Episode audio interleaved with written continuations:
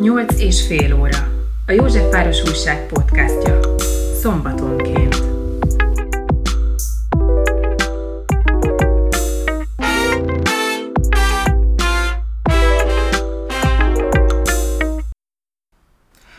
Miért vesztette el a választást az ellenzék?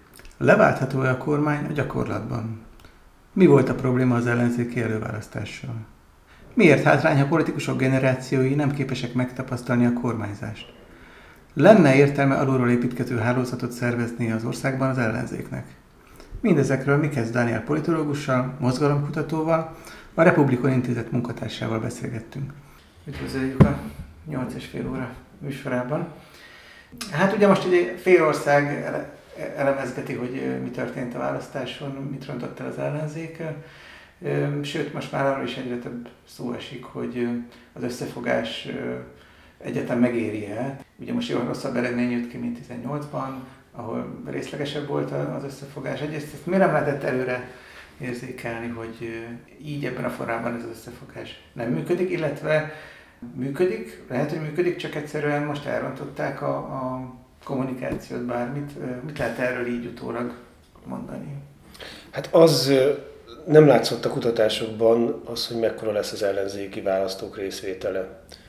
Tehát a, én azt hittem, hogy, hogy mivel kiérezett a helyzet, hát tulajdonképpen csak technikailag volt kiérezve, nem a politikai üzenet vagy a, a politikai ajánlat szintjén, hiszen létrejött egy ilyen formai egység, egy közös lista, közös jelölt, és én azt számítottam, hogy egy, egy ilyen helyzetben magasabb lesz a részvétel is. És azért azt mutatták a kutatási adatok is, hogy, hogy sokan részt akarnak majd venni a választáson, de végül nem így lett. Tehát ez az, amit, amit félre mértek leginkább a kutatások, az ellenzéki választók részvételét. És a, ami talán árulkodó volt valamilyen szinten, az az, hogy mennyire bíztak abban az ellenzéki választók, hogy, hogy győzhet a, az Egységben Magyarországért az ellenzéki koalíció. Sokkal kevésbé bíztak a győzelemben, mint a fideszes választók. Tehát ez valamennyire jelezhette, vagy ebből talán lehetett volna sejteni azt, hogy az a részvétel, mert ugye nagyon gyakran egy ilyen közvénykutatási helyzet, biztos a hallgatók egy része már találkozott ezzel, hogy felhívták őket, esetleg megkeresték az otthonukba, hogy kérdezzenek tőlük kérdéseket, hogyha máshol nem, akkor a névszámlálásnál, akkor azért az ember és maga is átél egy ilyen kérdezési szituációt, és egy ilyen helyzetben gyakran előfordul az, hogy a válaszadó meg akar felelni a kérdéseknek. Van a fejében valami elképzelés, hogy mi az, ami, ami az elvárt, vagy a, a normáknak megfelelő magatartás, és ilyen például a választási részvétel is. Sokan úgy gondolnak erre, hogy valóban ez valamilyen állampolgári kötelesség. És egy ilyen kérdezési szituációban akkor azt mondják, hogy részt vesznek, miközben lehet, hogy azért ténylegesen nem fognak részt venni, és valami ilyesmi történhetett április harmadikán.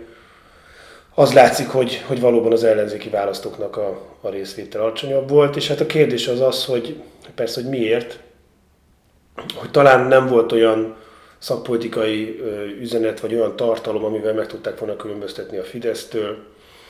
Miközben látszott az, hogy talán nagyobb esélye van az ellenzéknek, hogy, hogy akár a, hogy győzzön, hogy kormányváltás jöjjön, a választók mégsem érzékelték azt, hogy olyan, majd az ellenzéki választók nem érzékelték, hogy akkora tétje lenne ennek a választásnak. És persze az is lehet, hogy végső soron a, a, a háborús üzenet, illetve az a fajta kommunikációs dömping, amit a, a Fidesz a állami erőforrások segítségével végrehajtott, az az, ami elbizonytalanította az ellenzéki szavazókat abban, hogy, hogy érdemes most elmenniük szavazni. Valahogy ez a helyzet állhatott elő. Ezt még sokan fognak persze erről beszélni, és valószínűleg lesznek erről kutatások is, hogy akkor mégis miért bizonytalanodtak el az ellenzéki választók. Uh-huh. Ugyanakkor mindez nem érvényes ugyanígy, vagy kérdés, ez igazából kérdés is, hogy érvényes ez így Budapestre is, hiszen ott, ott mégiscsak az ellenzék tudott nyerni szinte mindenhol hogy ott mitől más a helyzet, ott kevésbé sikerült aktivizálni a, a fideszes szavazókat, vagy ott a, az ellenzéki szavazók voltak elszántabbak, mit, mit lehet erről látni? A Republikai Intézetnek folyik most egy kutatásában, nem vagyok biztos, hogy az már megjelent a honlapunkon, de szerintem talán a a héten, tehát hogyha szombaton hallgatják ezt a hallgatók, akkor már talán elérhető lesz az anyag, amiben a budapesti választóköröket vizsgáljuk meg, és ott az látszik, hogy 5-10, de akár 20%-kal is rosszabb volt a, az ellenzéknek a teljesítménye, mint 18-ban, tehát az ellenzéki egyéni jelölt, illetve a kormánypárti, a Fidesz jelöltje közötti különbség kisebb volt.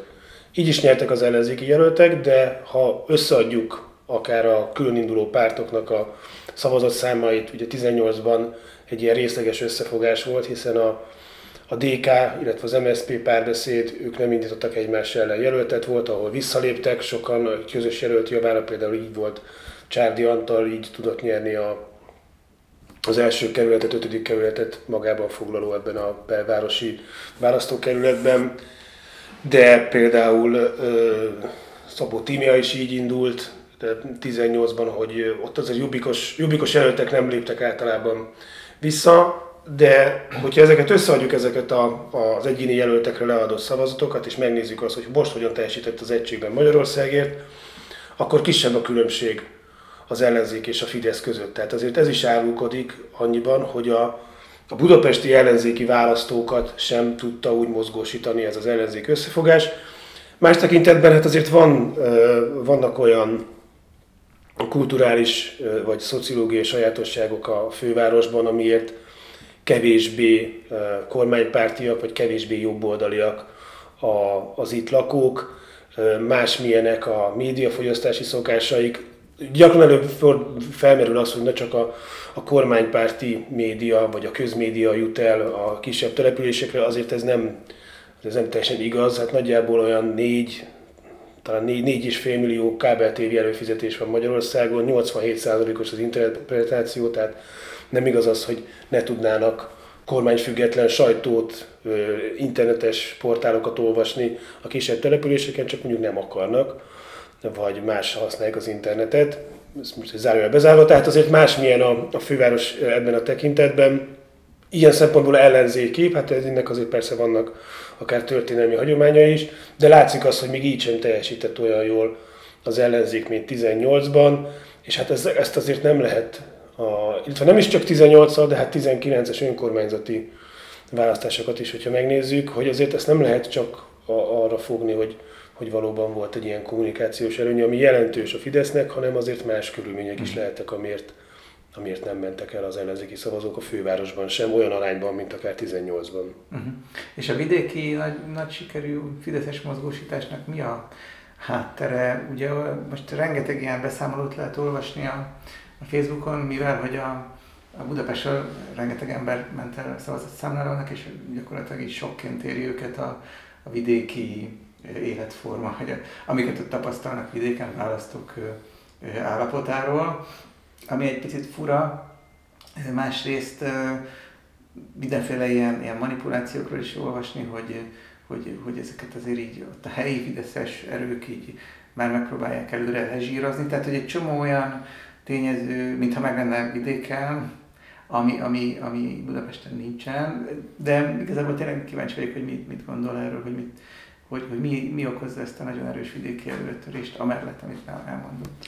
Hát a Fidesz már 2002-ben előtört a kisebb településeken, amikor a, amikor a kisgazdák kiestek a, a politikából, abba az űrbe, ami ott támadt a kisebb településeken, oda, oda benyomult a Fidesz, de fokozatosan egyre jobb eredményeket ér el a, a kisebb településeken, a falvakban, tehát az valóban igaz, hogy, hogy nő ott a, a támogatottsága a Fidesznek, de ez nem, nem most történt, és nem is 18-ban, nem hiszem 18-ban is ez gyakran előjött, hogy akkor itt a, a kis településeken tud nyerni a Fidesz. Tegyük hozzá, hogy ha csak ott nyerne, akkor az nem lenne elegendő arra, hogy kétharmados többséggel újrázzon megint, sőt, akár egy sima többségre se lenne elegendő.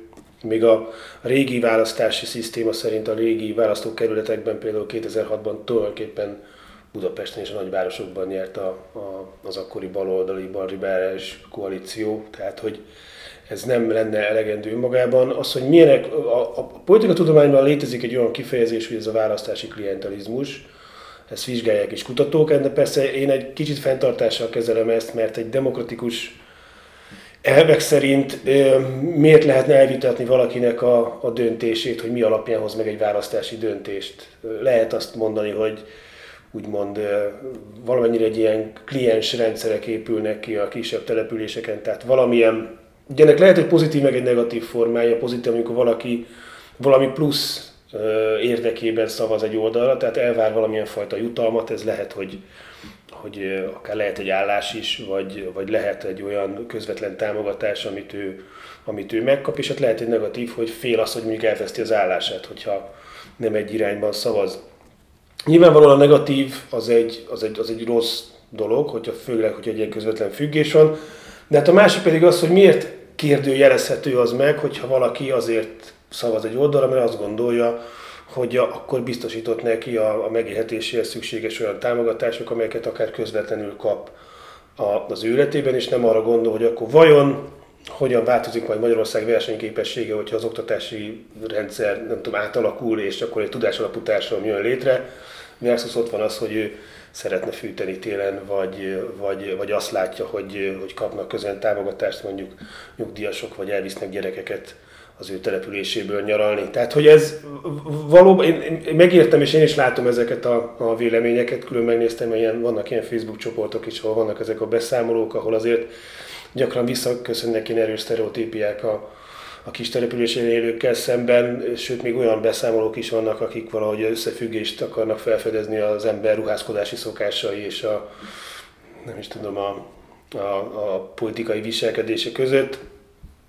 De ez, ez, ez hozzátartozik, én azt gondolom a, a demokratikus közélethez, hogy nem mindenki olyan, ö, olyan, ö, olyan feltételek vagy olyan körülmények között hozza meg a politikai döntését, mint, mint mások. Tegyük azt hozzá, hogy, hogy akár fölvetheti azt valaki egy kis településen élő tegyük fel alacsonyabb iskolai végzettséggel rendelkező választó, hogy mit akarnak a budapestiek, a, a diplomások, amikor a, nekik sokkal jobb az, az egykulcsos SZIA, akiknek esetleg több lehetőségük van felvenni családtámogatást, stb., amit egyébként elmond ugyanúgy az ellenzék, hogy ez a, ez a perverz újraelosztás ez inkább a, a gazdagabbaknak jó amelyből tulajdonképpen nagyon sokan profitálnak, akik, akik talán ellenzéki érzetűek. Tehát egy másik szempontból pedig az egy irracionális cselekvés, hogyha valaki esetleg egy ilyen felső középosztályi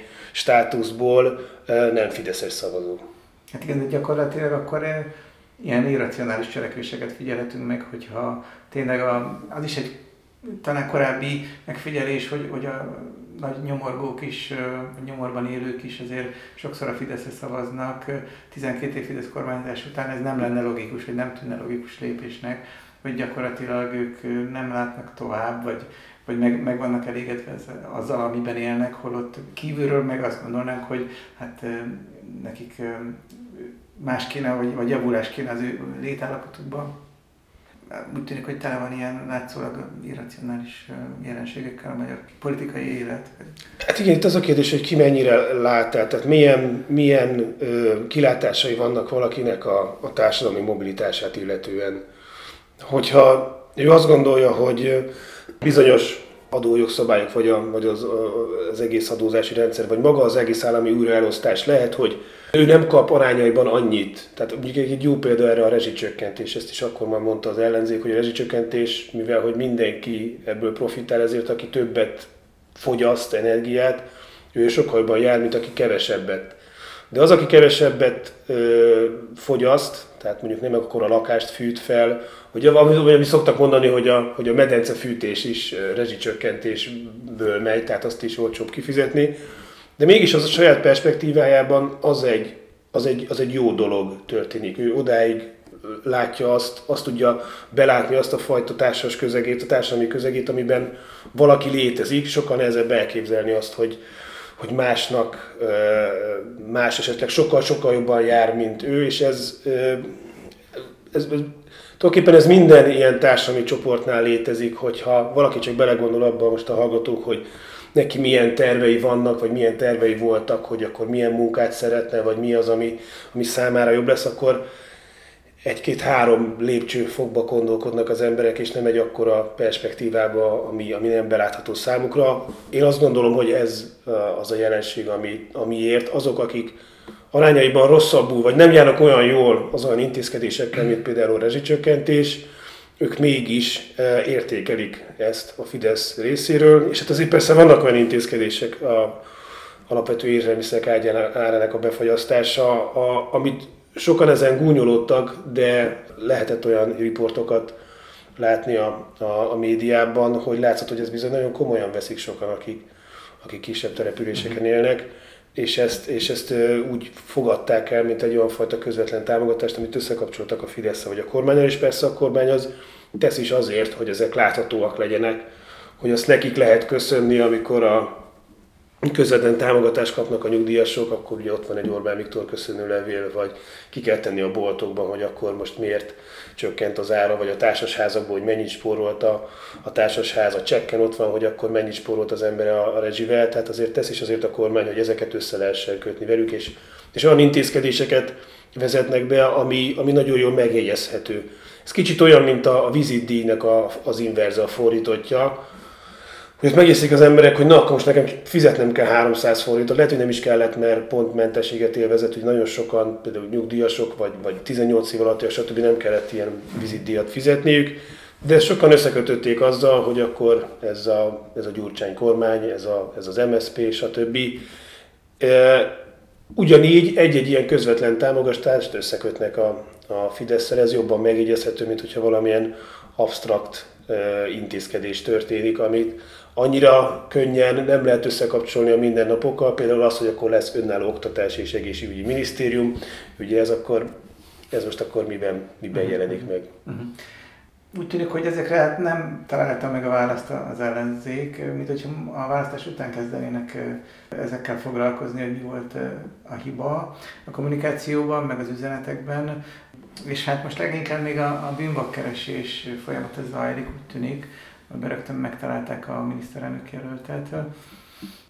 Mi lehetett a hiba egyébként? Volt mondjuk hiba a, magában a, az előválasztásban is, ahol ugye akkor még az is elhangzott ilyen egy-két helyen, hogy lehet, hogy nem jó ez a kiválasztási folyamat, mert egy ilyen többes választással, hogyha mondjuk nem a, a leg, nem egyet választottak volna az emberek, hanem többet, többet a leg, leginkább szimpatikusakat, akkor, akkor jött volna össze a, a leg, inkább elfogadott személy miniszterelnök jelöltnek. Tehát, hogy lehet, hogy már itt a, itt a kiválasztás, az előválasztásnál is történt egy hiba.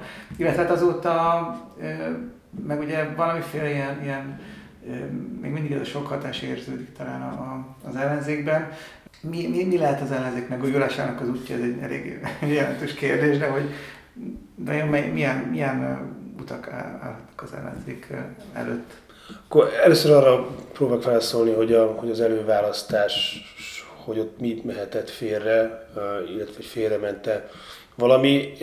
Én, az látható, hogy egyrészt van az előválasztás természetéhez köthető, magához az intézményrendszerhez köthető bizonyos fajta torzítás, amit, a, amit az Egyesült Államokban is ismernek, és én a a, a, a TK Politika Tudományi Intézetében Farkas Eszter kolléganőmmel közösen végeztünk egy kutatást az előválasztás során, amikor a második fordulóban a helyszínen, tehát sátrakban szavazók között végeztünk egy ilyen kérdőjéves felmérést, és ott látszódott az, amit a szakirodalomban is ismernek, hogy a medián ellenzéki szavazóhoz képest az előválasztáson résztvevőknek a politikai véleményük az, az eltér tehát nem tükrözik feltétlenül az ellenzéki választói sokaságnak a politikai preferenciáit, attitűdjeit, véleményét bizonyos kérdésekben.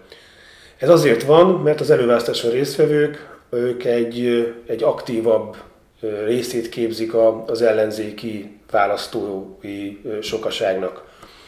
És ezért volt az, hogy egy sok kérdésben inkább liberálisabb választói voltak Márkizai Péternek, és ebben a tekintetben érdekes volt, hogy Dobrev Klárára szavazók közelebb álltak a, a, a medián, tehát az átlagos ellenzéki szavazóhoz.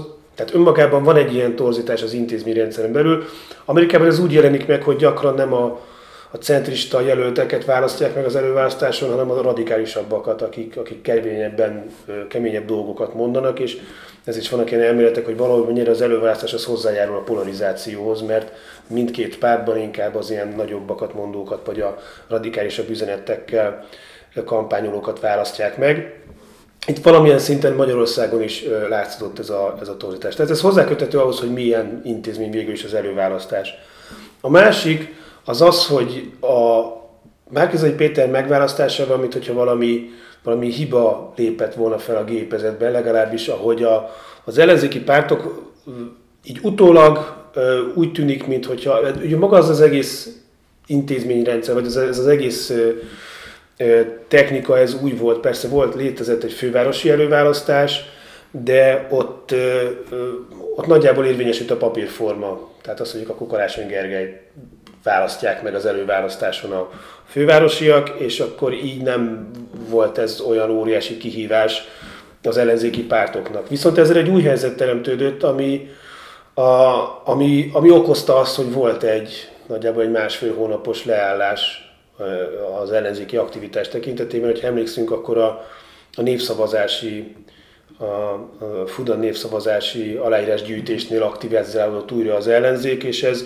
egyrészt ennek lehetett az oka persze az, hogy az ellenzéki aktivisták kifáradtak, de hát maguk a politikusok sem mutattak olyan fajta aktivitást, hogy, hogy akkor lehetett volna tudni, hogy, hogy akkor megy tovább a, az ellenzéki gépezet, és tovább lehet vinni a, azt a lendületet, amit kaptak az előválasztás során, azt tovább lehet vinni. Maga egy olyan feltételezés volt az előválasztással kapcsolatban, hogy azzal, hogy vannak jelöltek, ezzel nem alakul ki az, mint 18-ban. Emlékszünk arra, hogy még az utolsó pillanatban is visszaléptek jelöltek. Például az LNP-nél pont ezért voltak utána kizárások, hogy a saját elnöküket, korábbi elnököt zárták ki, és ami mégis valamennyire hozzájárult ahhoz, hogy a, hogy a párt az LP választáson hogyan szerepelt. De hogy ez a az, hogy akkor most lesznek jelöltek, akik el tudnak kezdeni építkezni helyben, akikről lehet tudni, hogy rájuk kell figyelni, ez volt valamennyire az előválasztásnak az egyik funkciója. Ehelyett valahogy, valahogy lefagyott a, a, az ellenzéki oldal, és ez valószínűleg azért, mert számukra egy új, nem számoltak azzal, hogy végül is egy ilyen outsider, egy, egy rendszeren kívüli lesz az ő közös miniszterelnök jelöltjük. Ez az, amit talán az előválasztásnál volt egy a, a technika újszerűsége miatt, és maga az előválasztás jellegéből adódóan ö, teremtett egy olyan helyzetet, ami miatt egy olyan jelölt választódott ki, aki nem feltétlenül kötődik a, az ő politikai ö, álláspontját tekintve az ellenzéki választókhoz, és, és nem is nagyon kötődött a politikai pártokhoz, és emiatt történhetett az, hogy hogy vesztette a lendületét az ellenzék. Talán ezt így lehet valahogy felvázolni. Az, hogy mit tehet viszont most ebben a helyzetben az ellenzék, az hát mindenfélét lehet hallani politikusoktól, hogy akkor mit kell tenni. Engem nagyon emlékeztetnek ezek a 18 utáni reakciók, ott is arról volt szó, illetve már 18 előtt is ezek felmerültek, hogy közelebb kell vinni a politikai pártokat a társadalomhoz, hogy akkor meg kell győzni, a, vagy el kell mondani ugye a, a kis településen lakóknak, hogy tulajdonképpen mi az igazság, vagy el kell menni. Ki kell nézni a körúton túl, ugye ezt, ezt hallottuk, de ez 14-ben, 18-ban is ez megjelent alakultak is olyanok, hogyha talán emlékeznek erre a hallgatók, hogy a Momentumnak ezek a szabadságkörei, az is valami olyan fajta, uh-huh. tehát talán az még a 18-as választás előtt elkezdték, az is egy olyan fajta próbálkozás volt, hogy akkor helyben ilyen, ilyen aktivitást megvalósítani. Ami fontos lehet, hogy, hogy egyszerűen felmérni azt, hogy tehát ez nem csak az, hogy fontos egy, egy politikai erő vagy egy politikai pártnál, hogy szavazatokat szerezzen, hanem hogy megtartsa azokat a, azokat a szavazókat, akik, akik már rászavaztak. Valamelyik pártra vagy politikusra szavazni, az egy, az egy elköteleződés. Az, az valamilyen után az ember lehet, hogy figyeli, hogy akkor mi történik velük. Nem feltétlenül gyorsan vált át egy másik pártra. Itt is az látszik, hogy nem az történt, hogy az ellenzékiek a Fideszre szavaztak, hanem hogy otthon maradtak. Tehát nem, nem egy ilyen közvetlen ö, átszavazás van egy teljesen másik politikai oldalra, hanem, hanem van közte egy ilyen elbizonytalanodás, egy ilyen demobilizáció. Ami fontos lehet az ellenzéknek, hogy megtudni, hogy ez miért történt a saját híveik körében, vagy nem a híveik, hanem a saját szavazóik körében, hogy akik 19-ben az önkormányzati még azt gondolták, hogy, hogy érdemes egy ilyen széleskörű összefogásra szavazni, hogy, hogy közülük kik azok, akik elbizonytalanodtak, kik azok, akik 18-ban még oda szavaztak, és nem csak a Jobbik szavazóiról vagy az, LNP szavazóiról van szó, hanem, hanem a többi párt szavazó is miért nem mentek el. Hogyha már ez, erre vannak válaszok, akkor már közelebb jutnak ahhoz, hogy, hogy a, az ellenzék peremén lévő szavazókat, azokat, akik kormányváltást szeretnének, azok, akik, akik úgy gondolják, hogy esetleg túlhatalma van a Fidesznek, hogy ők itt is aztán szép lassan el lehessen érni, de első körben talán annak a megértése a legfontosabb, hogy miért nem mentek el az ő szavazóik uh-huh. végső soron április 3-án.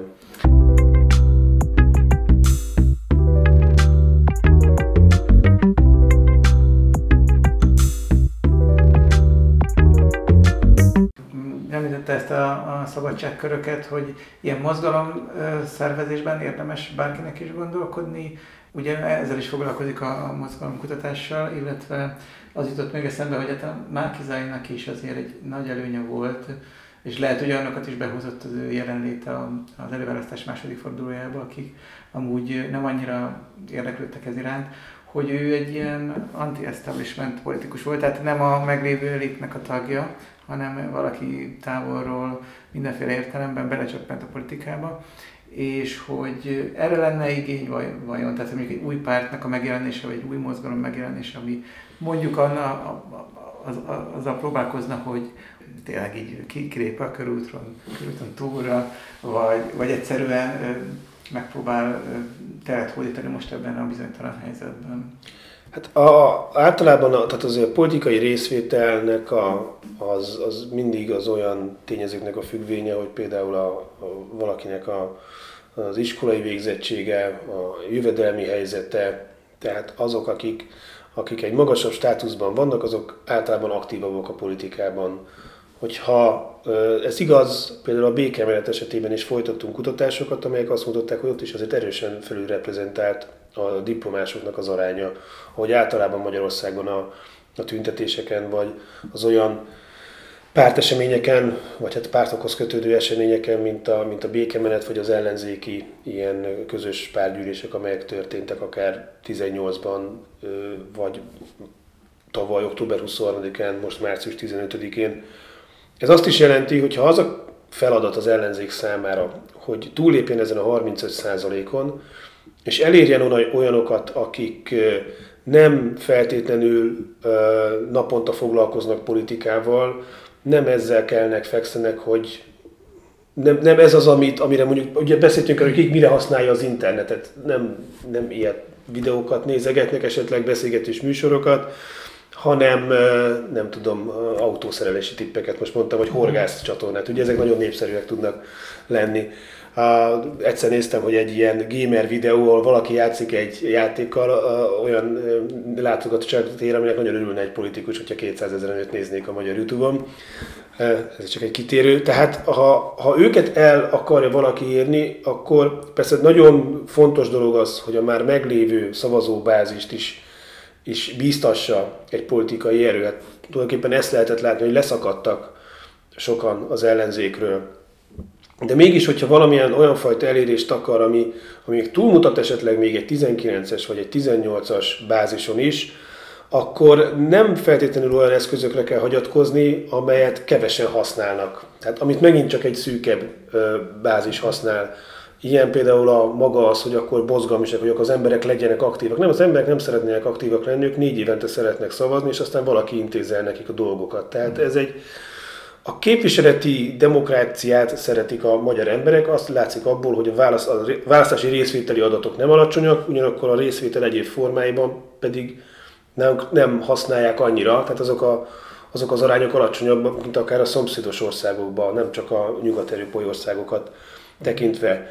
Tehát ez azt is jelenti, hogy akkor egy, egy ilyen megbízó, megbízott szerepben kell valahogy a politikusnak feltűnnie, és egy jó ajánlatot kell tennie. A, az a fajta ö, ö, ötletek, amik azért felmerültek akár, ha emlékszünk erre, nem tudom, hogy a hallgatókból kiemlékeznek erre, de a 14-ben volt a netadós tüntetés, és akkor ott is megjelentek azok az igények, hogy akkor valóban ilyen kis köröket kell létrehozni, a, hogy volt ez a Most Mi csoport, meg volt egy ilyen, egy ilyen próbálkozás, hogy egy ilyen közösségi média-szerű dolgot, talán Publikus vagy valami ilyesmi volt a, a neve, nem emlékszem pontosan erre, de hogy volt, voltak ilyen, ilyen ötletek, hogy akkor hogyan lehet a, az intézményesített politikából kinyúlni a választók felé.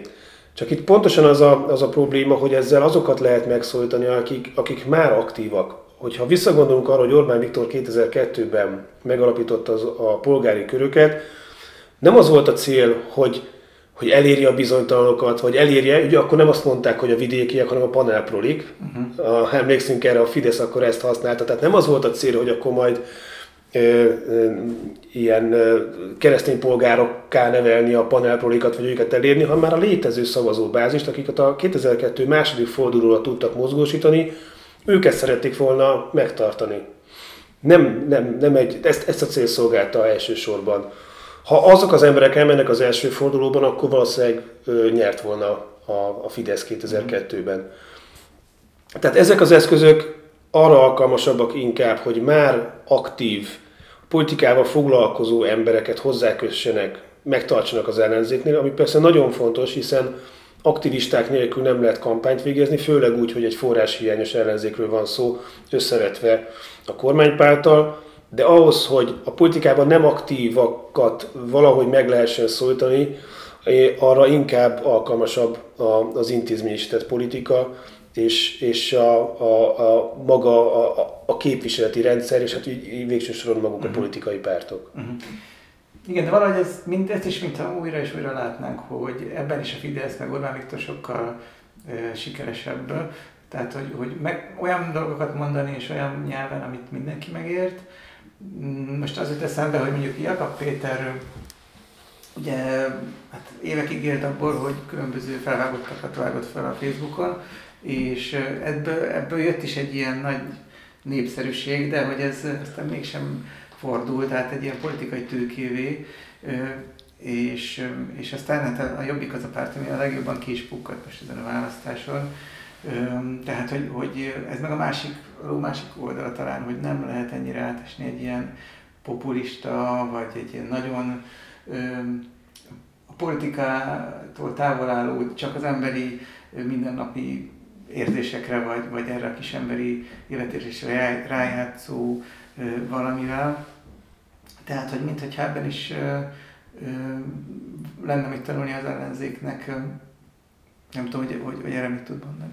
Hát ez talán most az jutott az eszembe, hogy a, ugye ezzel a filmes fordulattal, hogy a, az a fullba nyomta a, a kis embert tehát, hogyha megnézi valaki azt, hogy, hogy Orbán Viktor hogyan jelenik meg ezekben a mindennapi szituációkban, persze mondjuk hogy ott van a, a, a disznóvágás, ott ugye kicsit ez a gumicsizmás, meg a kolbásztöltős, de hát amikor meglátogat egy idős hölgyet, a Szia Röfik videó, ő továbbra is miniszterelnök, aki nem a parlamentben látható, hanem egy, hanem egy, egy vidéki, nem is tanyán, de egy vidéki házban, ahol, ahol van hátul egy, egy disznó is. Tehát ő maga miniszterelnöki szerepben a, a hozzá kapcsolódó autoritása tekintélye jelenik meg ezekben a szituációkban is. Kisemberi szituációban van, látszik, hogy tud beszélgetni azokkal is, és érti a, a szavát, meghallja a nép szavát, ugye a Vox Populit, ezt így, ő így érti, tudja kódolni, de ez azért fontos, mert ő a miniszterelnök. És majd ezt, ezt majd át tudja fordítani olyan tevékenységbe, ami, ami, ami, ami használ, ami jó azoknak. Hogyha emlékszünk arra a videóra, akkor például arról volt szó, hogy megköszönte a hölgy a, a nyugdíjemelést, ha jól emlékszem, és akkor majd, majd emelek megint, hogyha, uh-huh. hogyha tudunk. Okay. Tehát ott nem az jelenik meg, hogy ő egy kis ember, és azt mondja, hogy hát, de jó lenne, hanem, hanem ott újra fellép, előlépő, mint, mint miniszterelnök, aki képes a politikai cselekvése. És ez egy, ez egy különbség a között, mint hogyha valaki egyszerűen csak elmondja magáról, hogy Hát tulajdonképpen én olyan vagyok, mint ti, ez fontos rendben, de ezzel mit tudunk kezdeni? Olyan mhm. vagyok, mint ti, és ezért tudom úgy politizálni, hogy nektek jó. Ezért tudom elérni, hogy nektek jobb legyen.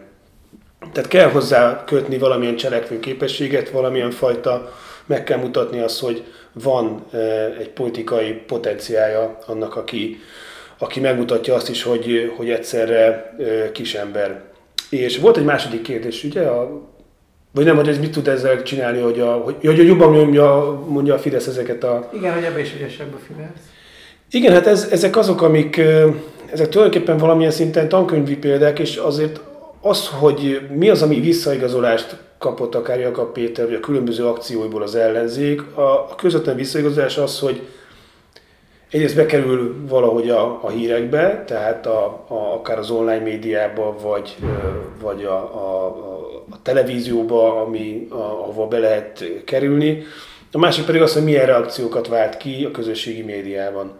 És azt nem lehet látni, hogy milyen kapcsolat van a közösségi médiában, legalábbis én ilyen kutatásról, Magyarországon folyó kutatásról nem tudok, hogy lennének ilyen eredmények, hogy mennyire jelenik meg, a, mennyire tükrözi például a választói magatartást, vagy a, vagy a választói attitűdöket az, hogy, hogy akkor valaki megnyeri a like bajnokságot, uh-huh. vagy, vagy megnyeri a, a napot a, a, a láthatóságban, a médiában, és hogy annak, annak akkor milyen következménye, vagy mennyire árulkodik választói támogatottságról. Ezt, és ez az, ami, ami félre tudja vinni a, az ellenzéki politizálást, hogy egy ilyen visszajelzést kapnak, a, egy ilyen Facebookos visszajelzést kapnak, vagy, vagy az azon a szűrőn keresztül érkezik valamilyen fajta elismerés a munkájukra, és ez pedig ez valahogy ez, az, az a, ez alakít ki egy olyan, egy olyan buborékot, amiben,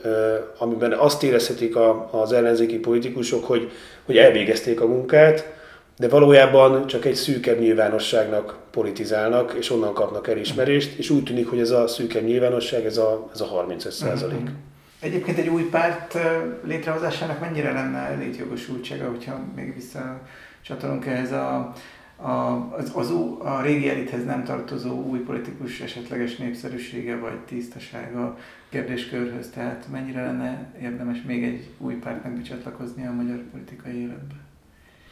Nem feltétlenül az a baj, hogy kevés párt van most Magyarországon, hogyha megnézzük az ellenzéki pártokat, tehát hogy itt nem, nem, nem alakult még ki az, hogy, hogy valahogy ebből elindult maga az ellenzék afelé, hogy akkor létrejöjjön egy, egy egység, hiszen közös lista van, de azzal, hogy végé van a kampánynak, mindegyiküknek, vagy hát a többségnek meg lesz a, a maga frakciója, ami saját forrást jelent, saját megszólalási lehetőséget, stb.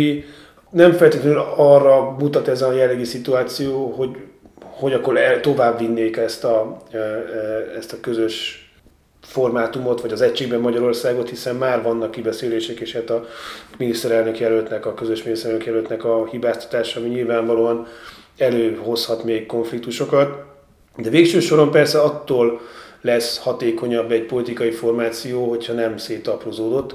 Az is érdekes persze, hogy önmagában a közös lista azért az elfette azt, hogy mégis mekkora társadalmi támogatottsága van az egyes politikai pártoknak. Ez majd a 24-es LP választáson mutatkozhat meg, hiszen ott nincsen ilyen összefogás kényszer, hanem mivel teljesen arányos az egész választás, ezért külön indulhatnak azok, akik azt gondolják, hogy érdemes nekik egyedül indulni. Ilyen lehet persze a, elsősorban a DK és a Momentum, akiknek van egy erős európai vagy EU agendája. A Jobbik ebben a tekintetben nem, nem olyan erős, ezt láttuk a 19-es LP választáson is, ráadásul ott lesz neki egy, egy nagyon hasonló, vagy hát egy, egy radikális jobboldali kihívója a mi hazánk, tehát ott könnyen lehet az, hogy azok a, a jobboldali, vagy jobbikos, vagy korábban jobbikos szavazók, akik akik hajlandóak egy LP választásra is elmenni, lehet, hogy inkább a mi hazánkra szavazzanak, ez is talán kifejezze valamilyen elégedetlenségüket. Illetve a, hát ugye a párbeszéd az MSZP-vel indult korábban. A lényeg az az, hogy ott azért meg fog mutatkozni az, hogy, hogy akkor mit gondolnak az ellenzéki választók az egyes pártokról, és az mutathat, vagy az hozhat majd valamilyen fajta további dominancia harcot az ellenzéken belül.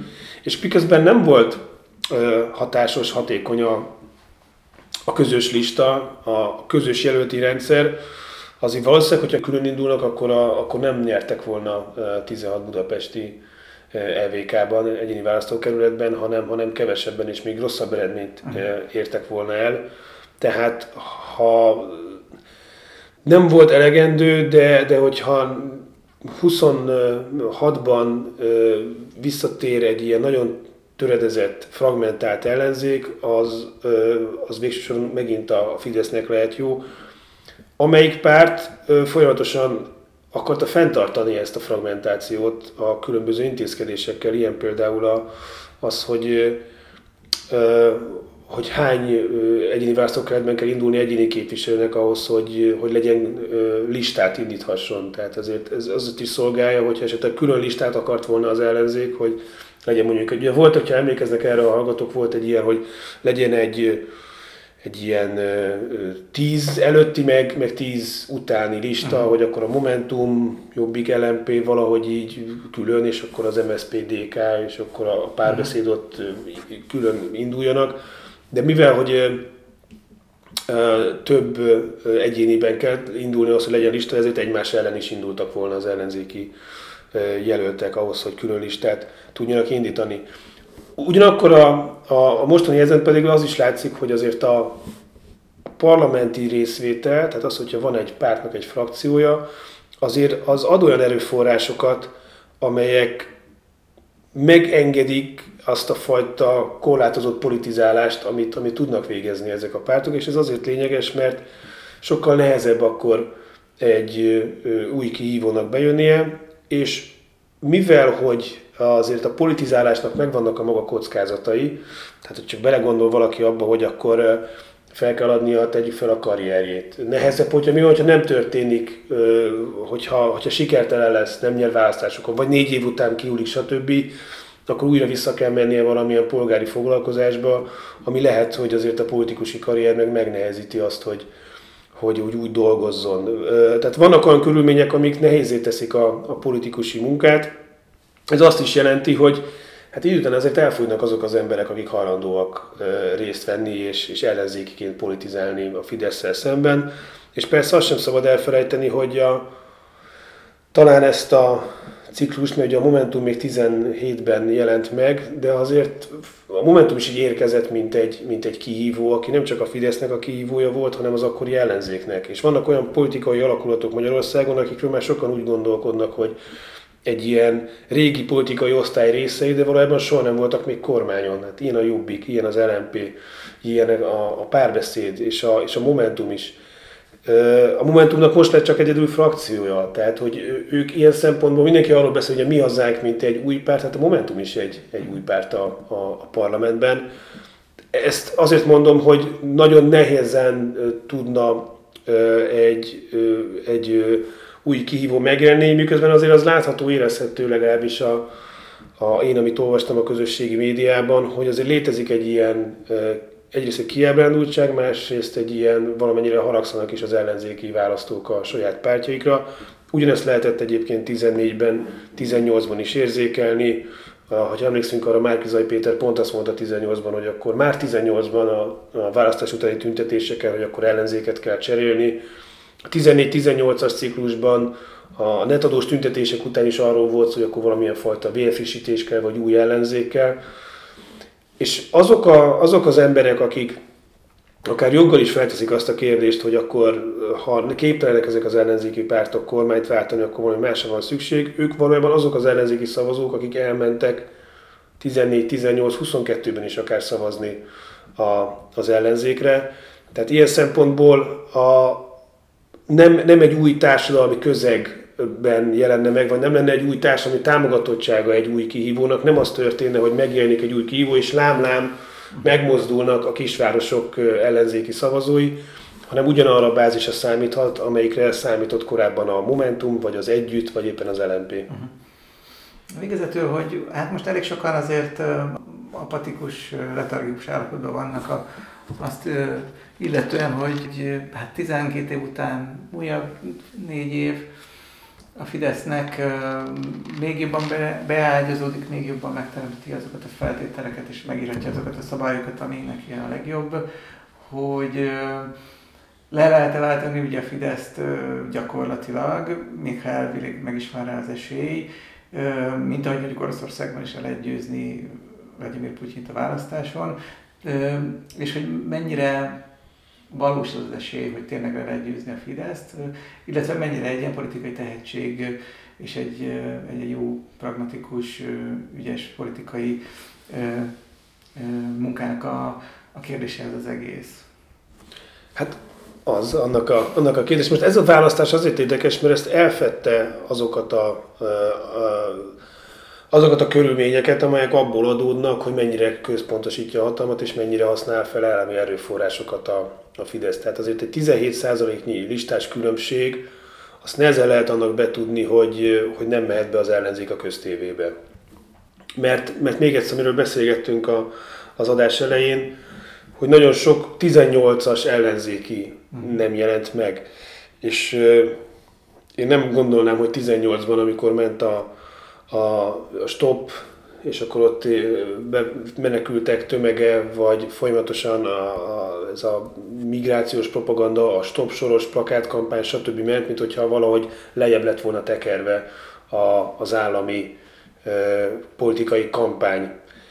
És mégis akkor, akkor többen elmentek. Tehát valahogy elfedik ezeket a körülményeket, vagy elfedi ezeket a körülményeket ez a, ez a mostani választási eredmény, és a 19-ben azért képes volt az ellenzék arra, hogy megszerezzen pozíciókat, mint hogyha feltűnt volna lehetősége annak, hogy azért lehetséges egy ilyen választási áttörés.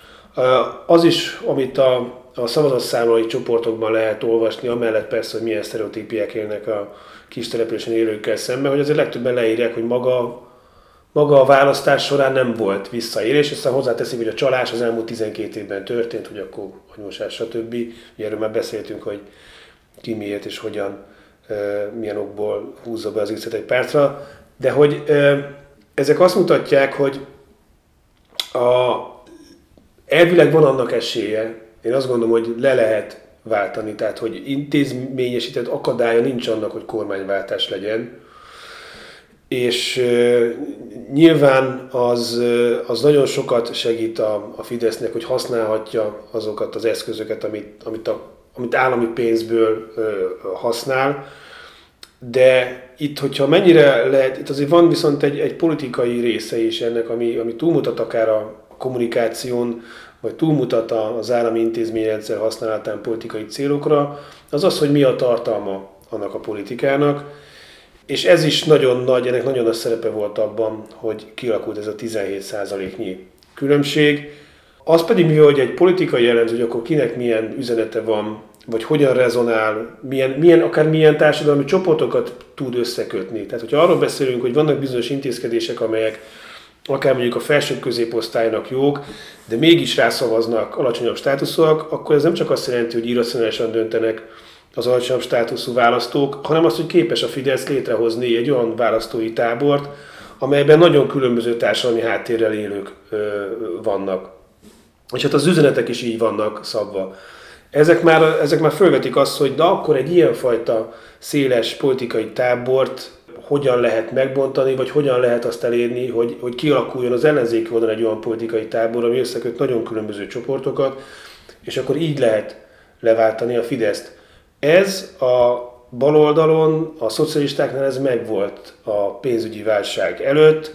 A pénzügyi válság volt az, amelyik a 2008-as válság, amelyik nagyon kikezdte azt a fajta szocialista modernizációs ajánlatot, ami azt jelentette, hogy akkor mi bekerülünk az Unióba, hogy akkor a, a, a szocialisták és az SDS azok, akik, akik sokkal inkább be tudják vinni és be tudják tartani Magyarországot a, ebbe az, ebbe az Európai Szövetségi Rendszer, és akkor nekünk jó lesz, és aztán négy év után, az EU csatlakozás után négy évvel jött a, a pénzügyi válság, amelyik ezt a, ezt a modernizációs vagy ilyen felemelkedési lehetőségnek teljesen keresztbe tett, és, és tulajdonképpen delegitimálta azokat az érveket, hogy ez a, ez a fajta nyugat-európa optimizmus, ez, ez valóban elvezethet. De akkor létezett ö, olyan szavazóbázisa együttesen az MSZP-nek és az SZDSZ-nek, amelyben nagyon különböző társadalmi csoportok voltak, és aztán persze a Jobbik megélnésével történt az, amikor arról ö, sokszor esett szó, hogy a észak-kelet-magyarországi szocialista szavazók aztán végül hogyan mentek át a, a Jobbik felé. Maga az összefogás hordozta magában azt az ígéretet, hogy a Jobbik képes azokat a vidéki szavazatokat szállítani éppen azokról, az hely, azokról a térségekből, amelyik régen a szocialistákhoz tartoztak, ami, aminek a segítsége valóban kiépíthető egy ilyen széles választói bázis, ahol nagyon különböző csoportok vannak. Ez az, ami, ami, ami nem jött össze végül. Látszik az, hogy, hogy nem tudtak még az olyan vászókerületekben sem győzni az ellenzéki jelöltek, amikről azt lehetett gondolni, hogy, hogy vidéki billegő körzetek. Jó, hát meglátjuk, hogy mi lesz. Köszönöm szépen a beszélgetést. Én köszönöm a meghívást. Mikesz Dániel politológussal, mozgalomkutatóval, a Republikon Intézet munkatársával beszélgettünk. Én Dercsényi Dávid vagyok.